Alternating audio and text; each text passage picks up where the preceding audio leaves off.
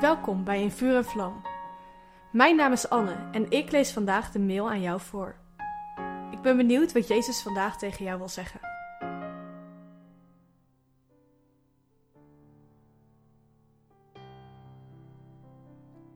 Ik wil deze serie eindigen met het onderwerp waar ik ook mee begon: kind van God zijn.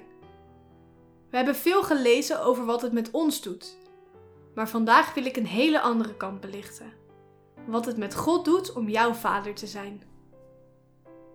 In een gezonde relatie tussen vader en kind is de liefde wederzijds.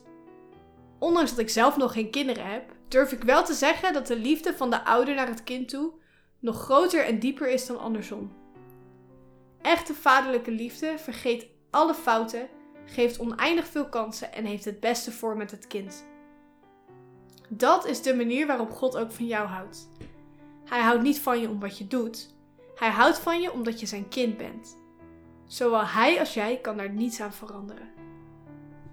En daarover lezen we ook in Romeinen 8, vers 31 tot 39. Er is niets wat de liefde van God voor jou kan dwarsbomen. God kan ook niet anders dan lief hebben, want hij is liefde. Dit staat in 1 Johannes 4, vers 8. Gods liefde is onmeetbaar. Hoger, dieper en wijder dan elke menselijke liefde. Als jij dat gaat beseffen, valt elke drempel om bij God te komen weg. Net zoals een klein kind bij papa komt als hij gevallen is, kan jij bij jouw hemelse vader komen als jij gevallen bent. Jouw liefhebbende vader wijst je dan niet terecht. Nee, hij neemt je bij zich en troost je. Hij helpt je, hij sterkt je. Hij moedigt je aan om het nog een keer te proberen.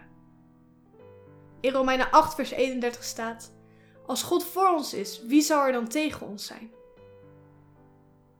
Ik bid dat jij meer dan ooit zal beseffen dat God jouw vader is en wat dat betekent.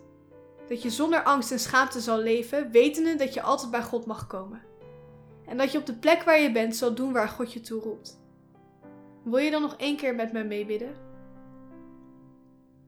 Lieve Vader, laat mij beseffen wat het betekent om uw kind te zijn. Raak me aan met uw liefde. In Jezus' naam. Amen.